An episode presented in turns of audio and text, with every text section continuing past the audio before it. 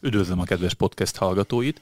A Hetek Originals-t hallják, ami a Hetek heti lapjának, illetve a hetek.hu-n megjelenő cikkeknek a audiovizuális feldolgozása, podcast beszélgetést itt. Most a stúdióban velem szemben Morvai Péter és Súrjány Dávid újságírók ülnek, és a témánk pedig az orosz-ukrán amerikai konfliktus, és azért veszem bele a, az amerikai konfliktust, mert itt messze nem csak Ukrajna és Oroszország közötti feszültségről van szó, hanem nagyon úgy tűnik, hogy igazából a két nagy hatalom üzenget egymásnak Ukrajna fölött, vagy feje fölött, de nem én akarom megfejteni ennek a konfliktusnak a hátterét, hanem azért vannak itt a vendégek, hogy közösen kitaláljuk, hogy mi áll a folyamatok hátterében. Szinte minden nap olvasni olyan szalagcímet valamelyik portálon, hogy ma, holnap, holnap után bekövetkezik az orosz támadás, aztán mégis elmarad. Mi lehet ennek az oka, hogy, hogy állandóan dátumokat megjelölnek a támadásra, és mindig elmarad? Hát ha megnézzük a dátumokat, akkor ugye ma, ha ez elárulhat a hallgatóknak, akkor ugye február 17-e van. Most két nappal vagyunk túl a, azon a határidőn, amikor már majdnem biztosra ígérték az orosz támadást Ukrajnával szemben. Ez nem következett be 15-én. Ma újra arról lehet olvasni, hogy Biden elnök nagyon erősen úgy érzi, hogy küszöbön áll a támadás. Én nem emlékszem olyan nemzetközi konfliktusra, amikor e, nagyhatalmak vezetői ilyen háborús hangulatkeltésre vállalkoztak volna. Inkább a feszültség enyhítésére és oldására törekedtek, még ha egészen visszamegyünk, és talán azért itt van relevanciája ennek a párhuzamnak a 60-as évek elejének a kubai rakéta válságáig. Ugye, hogyha visszagondolunk arra, a hidegháborúnak arra az epizódjára, amely talán leginkább fenyegetett azzal, hogy élessé válik és forróvá válik, akkor is a két nagyhatalomnak a vezetői mindent megtettek azért, hogy, és végül is sikerrel, hogy elhárítsák még a szembenállás és a e, érdekütközések ellenére is azt, hogy egy csattanás legyen az eredménye. Most e, ez úgy tűnik, hogy, hogy hiányzik, vagy legalábbis amerikai részről e, hiányzik, és azért említettem ezt a párhuzamot, mert a kubai esetben Amerika joggal tartotta elfogadhatatlannak azt, hogy orosz rakéták, akár nukleáris töltetett hordozó rakéták jelenjenek meg a partjaitól néhány száz kilométerre.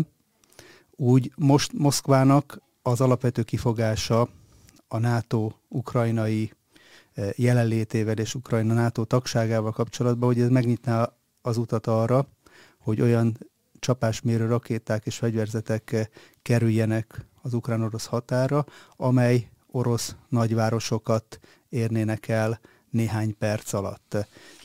De akkor csak most Dávidhoz is fordulok, hogy az alapján, amit Péter elmondott, akkor mondhatjuk azt, hogy az Egyesült Államok örülne neki, hogyha orosz támadás történne? Vagy önmagában maga a retorika már eléri azt a célt? És ha eléri, akkor mi is ez a célja Washingtonnak, amit el akar érni? Nagyon érdekes erről beszélni, mert sosem fogják nyíltan felvállalni szerintem, amit szeretnének az Egyesült Államok részéről. Tehát ami, ami most a washingtoni taktikázásnak a hátterében van, azt inkább csak a kikövetkeztetni a gyümölcsökből lehet, mert ugye alapvetően mind a nemzetközi jog, meg a nemzetközi kapcsolatok abból indul ki, hogy valami ráció kell legyen a felek tevékenysége mögött. Tehát biztos, hogy a saját tehát saját felfogult érdekek ellenében nem fognak cselekedni.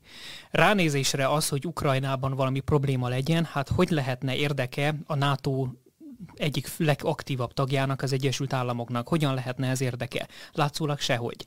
De ugyanakkor, hogyha az egészet egy nagyobb geopolitikai helyzetbe, kontextusba helyezzük, akkor egyértelműen látjuk, hogy az Egyesült Államoknak nem csak egy érdekszférája van, hanem rengeteg, és ebben az érdekszférában ők felállítottak egy prioritási sorrendet. És ebben a prioritási sorrendben úgy tűnik, hogy Ukrajna kicsit háttérbe szorul, és ez az, ami összefügg azzal, amit a Péter is mond, hogy tört, talán tényleg a modern történelemben nem volt még olyan, amikor ha az egyik fél kifejezte, hogy ő nem akar hódítani, már pedig a Kreml ezt fejezte ki, akkor a másik szinte incselkedik, hogy de mi az, hogy nem. Hát te igenis akarsz, ugye akarsz, akarsz, ugye akarsz, és ezt napi szinten megcsinálja. Tehát ilyen még nem volt. És pontosan azért, mert az Egyesült Államoknak a geopolitikai játszmáiban érzékeljük azt, hogy szeretnek egy-egy területet beáldozni egy másikért. És tudják jól, hogy ez ilyen nagyhatalmi szereplőknél, mint amilyen mondjuk az Oroszország, ő nekik is vannak máshol érdekszféráik, és itt eljutunk egészen Kínáig. Mert ugyanis ebben a látszólagos kétpólúsú versenyben van egy harmadik láthatatlan szereplő, akit be kell kalkulálnunk, és ez Kína és a kínai érdek, eh, érvény, Kínával szemben érdekérvényesítés úgy tűnik, hogy az Egyesült Államoknak most fontosabb. És ez mit jelent? Hogy az Egyesült Államoknak van egy csendes óceáni frontja. És a csendes óceáni fronton az egyik legnagyobb veszély az a, az a dél-kínai tengernek a birtoklása, és Tájvan. Éppen ezért, hogyha belegondolunk abban, hogy eh, mi történt 56-ban, nálunk, ugye látszólag úgy tűnt, hogy a, az egész nyugati világnak érdeke, hogy a kommunizmus elkezdjen Budapesttől kiindulva megbukni, hát ha egy láncreakció beindul, és mégse segítettek rajtunk. Vajon miért? Azért, mert mellette zajlott egy másik válság, amit úgy hívunk azóta már, hogy a Suezi válság, amikor Izrael, Franciaország és a Egyesült Királyság lerohanta a Suezi csatornát, és az Egyesült Államok, hogy kibékítse az orosz felet, amiért megborul a hatalmi egyensúly, azt mondta, hogy akkor Budapest tiétek, de a Suezi csatornát mi hogy intézzük el, és abban ne avat avatkozzatok bele.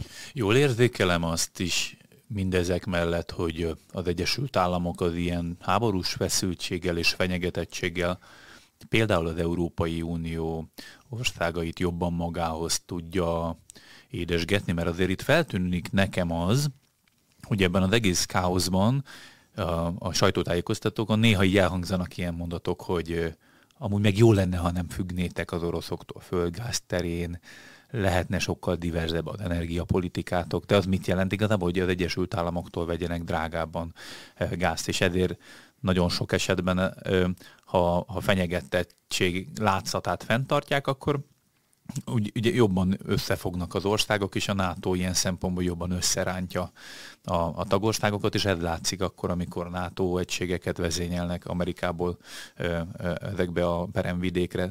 Rosszul látom, hogy ebbe van egy ilyen birodalmi ambíció, mert ezzel a háborús üzengetéssel Oroszország és Kína is szükségszerűen még jobban közeledett egymáshoz, de akkor az Egyesült Államoknak meg az Európai Uniót kell sokkal szorosabban magába integrálnia, hogy neki is meg legyen a saját pólusa, és az Unió ne legyen tőle független nagyhatalmi szereplő, aki ha akarja, az oroszokkal egy, egy, egy jó kapcsolatot tart fönt.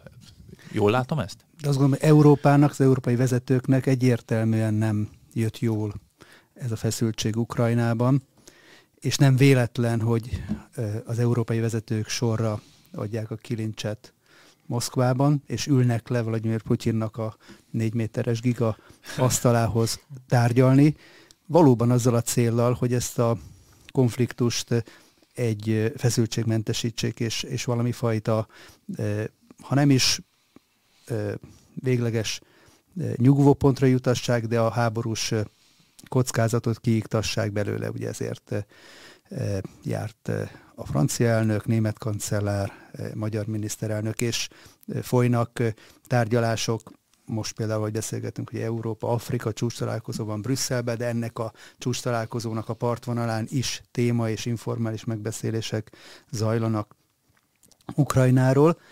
Tehát az európaiaknak nem érdekük, hogy ebbe a feszültségkeltésben részt vegyenek. Miért lehet Amerikának érdeke?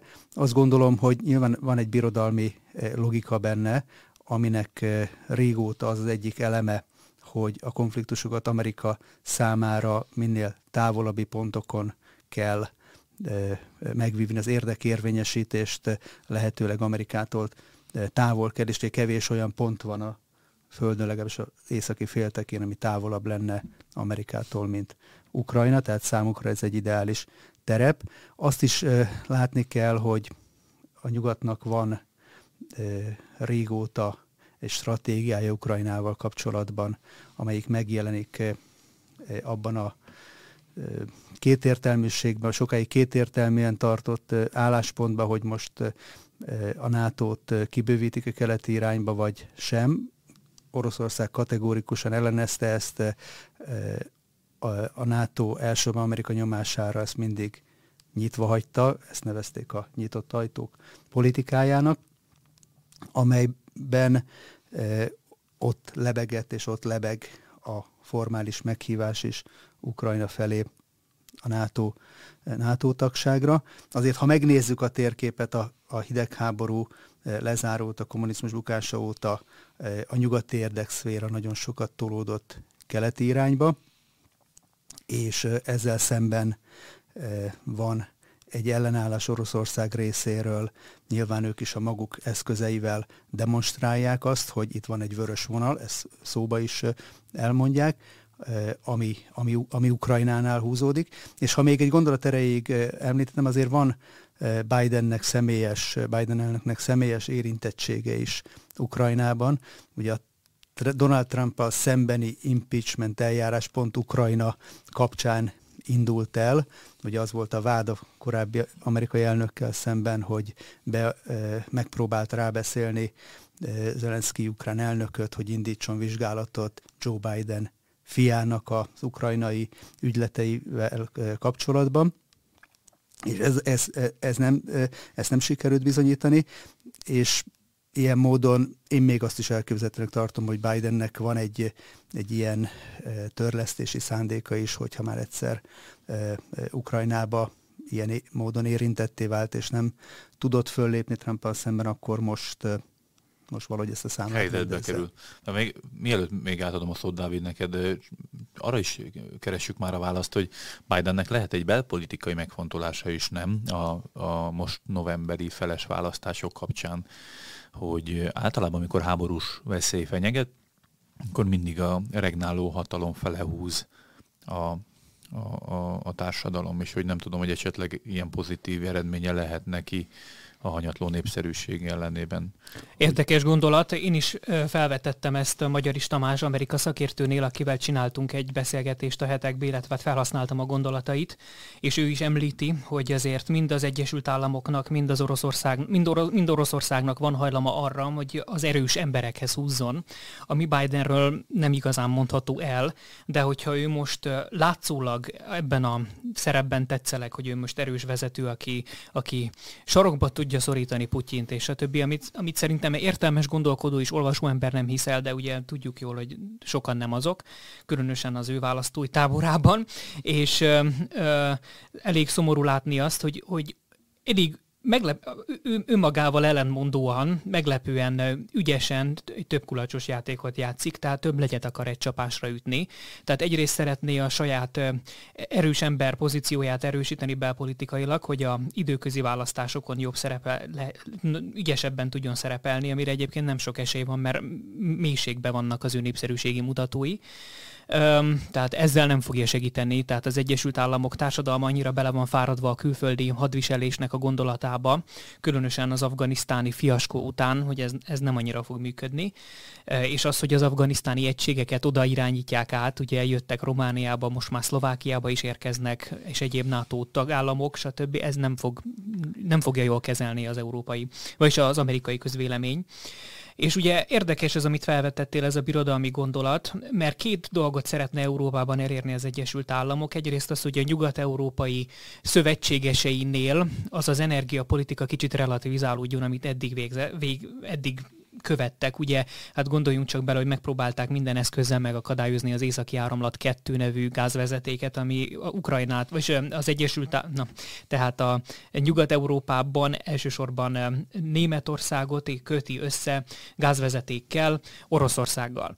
És mindent megpróbáltak ezért elérni, de az új német kormányzat valahogy átvitte Bidennél, hogy ne vétózzák meg, hogy ez működjön. Tehát az Egyesült Államoknak azért ez célja, és ezért már olyan hajmereszt ötletekig vetem mennek, mint hogy Kataron keresztül, meg más módokon, minél messzibbről érkezzen a, a, a gáz és az olaj, ami hát nyilván Európának egyáltalán nem kifizetődő, de nyilvánvaló, hogy Biden és részben a zöld politikája is ezt szeretné elérni, szeretné egy alternatív e-, energiapolitikát felajánlani a nyugat-európai országoknak. Ugyanakkor meg vannak a renitens közép-európai országok a két front között, mi, Lengyelország, mások, elsősorban a V4 országok, és azon belül is a két fő renitens, ugye Morawiecki és Orbán Viktor, és gondoljunk csak bele abba a ügyes technikába, ez nem elsődleges célja, hanem ez egy járulékos nyereség lehet, hogyha átengedi az ukrán érdekszférát az oroszoknak Biden, azért, hogy cserébe Oroszország ne álljon a Tajván invázió mellé, Kína oldalán. Ha át is engedi, akkor azzal viszont eléri azt, hogy Magyarország, Lengyelország, balti államoknak a nyakában már ott liheg az orosz. Ami tudjuk jól, hogy történelmileg ez egy sokkoló élmény, ezeknek az országoknak, hiszen már volt ilyen, és nem szeretnénk, hogy még egyszer legyen ilyen.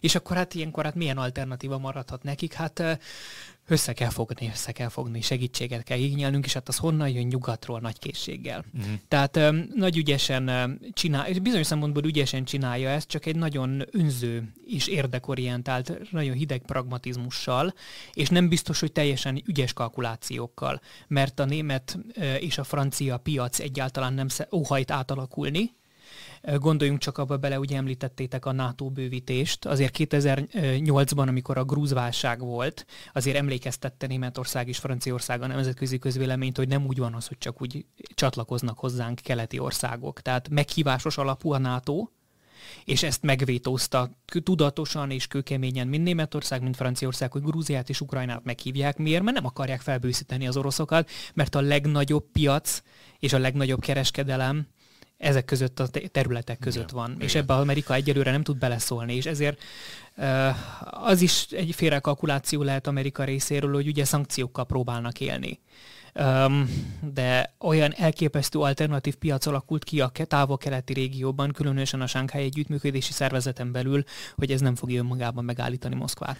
Mielőtt még lekerekítenénk a beszélgetést, de mindenképp egy témát még e, e, említsük meg, ez pedig Magyarországnak a, a politikája ebben a kérdésben. Ugye itt ö, volt említve, hogy vétózva van a Ukrajna felé a NATO bővítés, de sok esetben mi vagyunk az egyik leghangosabb vétózói ennek a, az ötletnek, mert mindig az ukrajnai, kárpátaljai kisebbségre hivatkozva, illetve az ő jogsérelmeikre hivatkozva utasítjuk el Ukrajna NATO csatlakozását, de például a horvát államfő mostanában nagyon-nagyon világos üzeneteket mond, hogy nem küld soha ukrán határra a horvát katonákat, illetve például határozottan ellenzi a, a Ukrajnával való NATO bővülést, és nyilván a vörös vonal pedig oroszoknak is pont ez, hogy ha a NATO be csatolja Ukrajnát, akkor kvázi ők rombantják ki a háborút, legalábbis nyugatról. Mi a helyes magyar hozzáállás, a mostani magyar kormánynak az álláspontja jó-e, milyen mozgásterünk van NATO tagként? Ugye ennek a jelenlegi válságnak egy sajátos keretet ad, hogy másfél hónappal vagyunk a áprilisi választások előtt, és láthatóan ez egyébként a külső a választásokba történő külső beavatkozásnak az egyik terepe pont Ukrajna. Ugye látványosan fölerősödtek az elmúlt hetekben az amerikai üzenetek Magyarország iránt.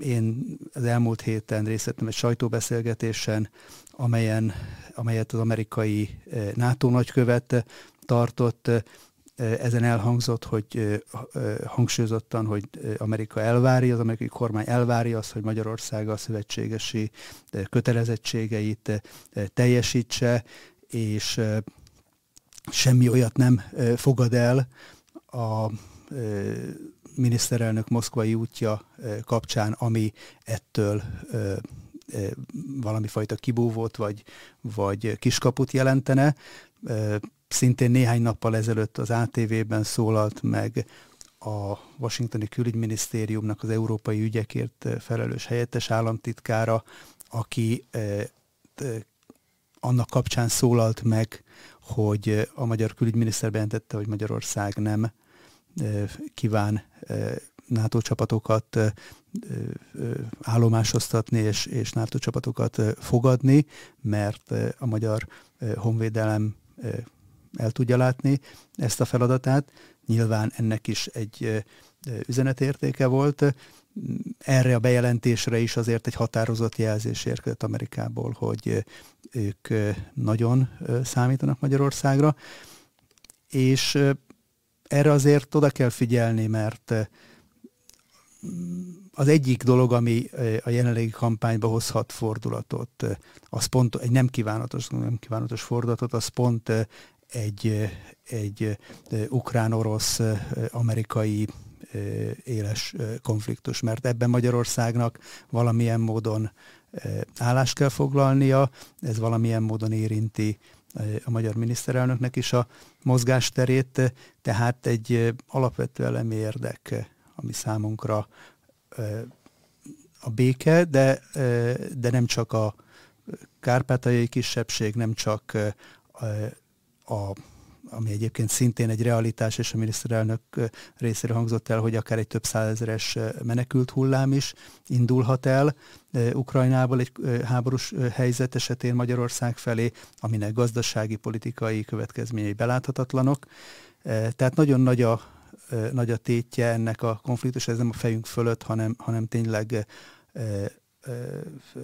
mellettünk, körülöttünk játszódik, és azért, ha visszagondolunk a balkáni, 90-es évek balkáni háborújára, hogy annak milyen következményei voltak hosszú távon Magyarország felé, magyar kisebbség felé, akkor mindenképpen ezt a, ennek a megismétlődését nagyon jól lenne elkerülni. Zárásképpen mindenképp érdemes hangot adni a kárpátaljai kisebbségnek. Ugye készítettünk velük egy körképet pár héttel ezelőtt a hetekbe érdemes elolvasni a kedves hallgatóknak, mert megrázó az, hogy már most milyen állapotok vannak. Tehát tudnunk kell, hogy ő nekik gyakorlatilag a háború nem ért véget 2004-2005-ben, a, vagy 14-15-ben a Minszki jegyzőkönyvvel, ami lezárta ugye az ukrajnai polgárháborút. Nagyon fontos látnunk azt, hogy ők azt állítják, szinte egytől egyik pedig nagyon különböző státuszú és helyeken lakó ö, ö, és munkakörben lévő embereket kérdeztünk meg, hogy mindenki egyértelműen nyugati PR fogásként értelmezi ezt az egészet. Tehát egy olyan úszításként, aminek a magjában lévő konfliktust lehetne rendezni máshogy is. És egyébként érdekes, hogy Biden maga adott már alternatívát, hogy nem feltétlenül kell invázió, elég a beavatkozás, azt elnéznék, mint amilyen például, hogyha csinálnának egy szárazföldi folyósót Oroszország és Krim között között. Ezt el tudná viselni. Sokkal jobb lenne, ha ilyesmik történnének, mint a háború, mert így is, ahogy mondják a, a kárpátaljai magyarok, legfőképpen az a legtöbb ukránnak és a legtöbb ukrajnai magyarnak a problémája, hogy miből él meg. Mert annak ellenére, hogy gáztranzitország, elképesztően egekbe vannak a gázárak, az olajárak, sokkal kisebb fizetésből kell megéljenek, mint mi, és többszöröse a rezsi, amit mi fizetünk, tehát élhetetlen az állapot, és emellett pedig a kisebbségnek nagyon súlyos sérelmeket kell elszenvedni elszenvedni az ukrán kormányzat részéről, gyakorlatilag nyílt rasszista törvényhozás alatt kell éljenek, ami elviselhetetlen és tűrhetetlen, és éppen ezért én nagyon egyetértek Szijjártó Péter külügyminiszterünknek. A, a, a kemény állásfoglalása te, terén én nagyon egyetértek vele, mert szükséges, hogy az ukrán erő észlelje azt, hogy nem lehet szövetségesekkel vagy szomszédokkal így bánni, és ebben egyértelműen magyar érdek az, hogy az ottani magyar kisebbségnek a, a érdekei érvényesüljenek, és nagyon szomorú lenne, ha el kellene adniuk azt a helyet, mert ők történelmileg ragaszkodnak ahhoz a helyhez, és nem feltétlenül akarnának idejönni, és ebben tisztelnünk kell őket, de hogyha kitör a balhé, és őket is behívják, már pedig most már arról van szó, hogy teres asszonyokat is lajstromba vesznek, akik ugye a, szintén a fronton dolgozhatnak ö, egyéb ilyen, ilyen hattáposként, ha ilyenekre kellene a magyar kisebbségnek egy olyan ügyben, amiről ők azt mondják, hogy nem érzik magukénak, az felháborító, és nagyon szomorú lenne, hogyha ö, használni kellene azokat a csapatokat, akit a Honvédelmi Minisztérium már most fel, elkezd felállítani azért, hogyha esetleg ki kell őket menteni onnan. Ennyi félt bele a Hetek Originalsnak a mostani adásában. Az ukrajnai konfliktusról, feszültségről beszélgettem Súlyány Dávid és Morai Péter újságírókkal. Javaslom mindenkinek a Hetek heti lap vásárlását, előfizetését, illetve a hetek.hu olvasását, mert írásban és szóban is túl feldolgozzuk a körülöttünk zajló legfontosabb történéseket, és hát talán nem túlzás azt állítani, hogy mindannyiunknak az a reménysége és bizalma, hogy ezek a drámai események nem fognak eszkalálódni háborúig. Köszönöm, hogy itt voltatok, további jó rádióhallgatást, sziasztok!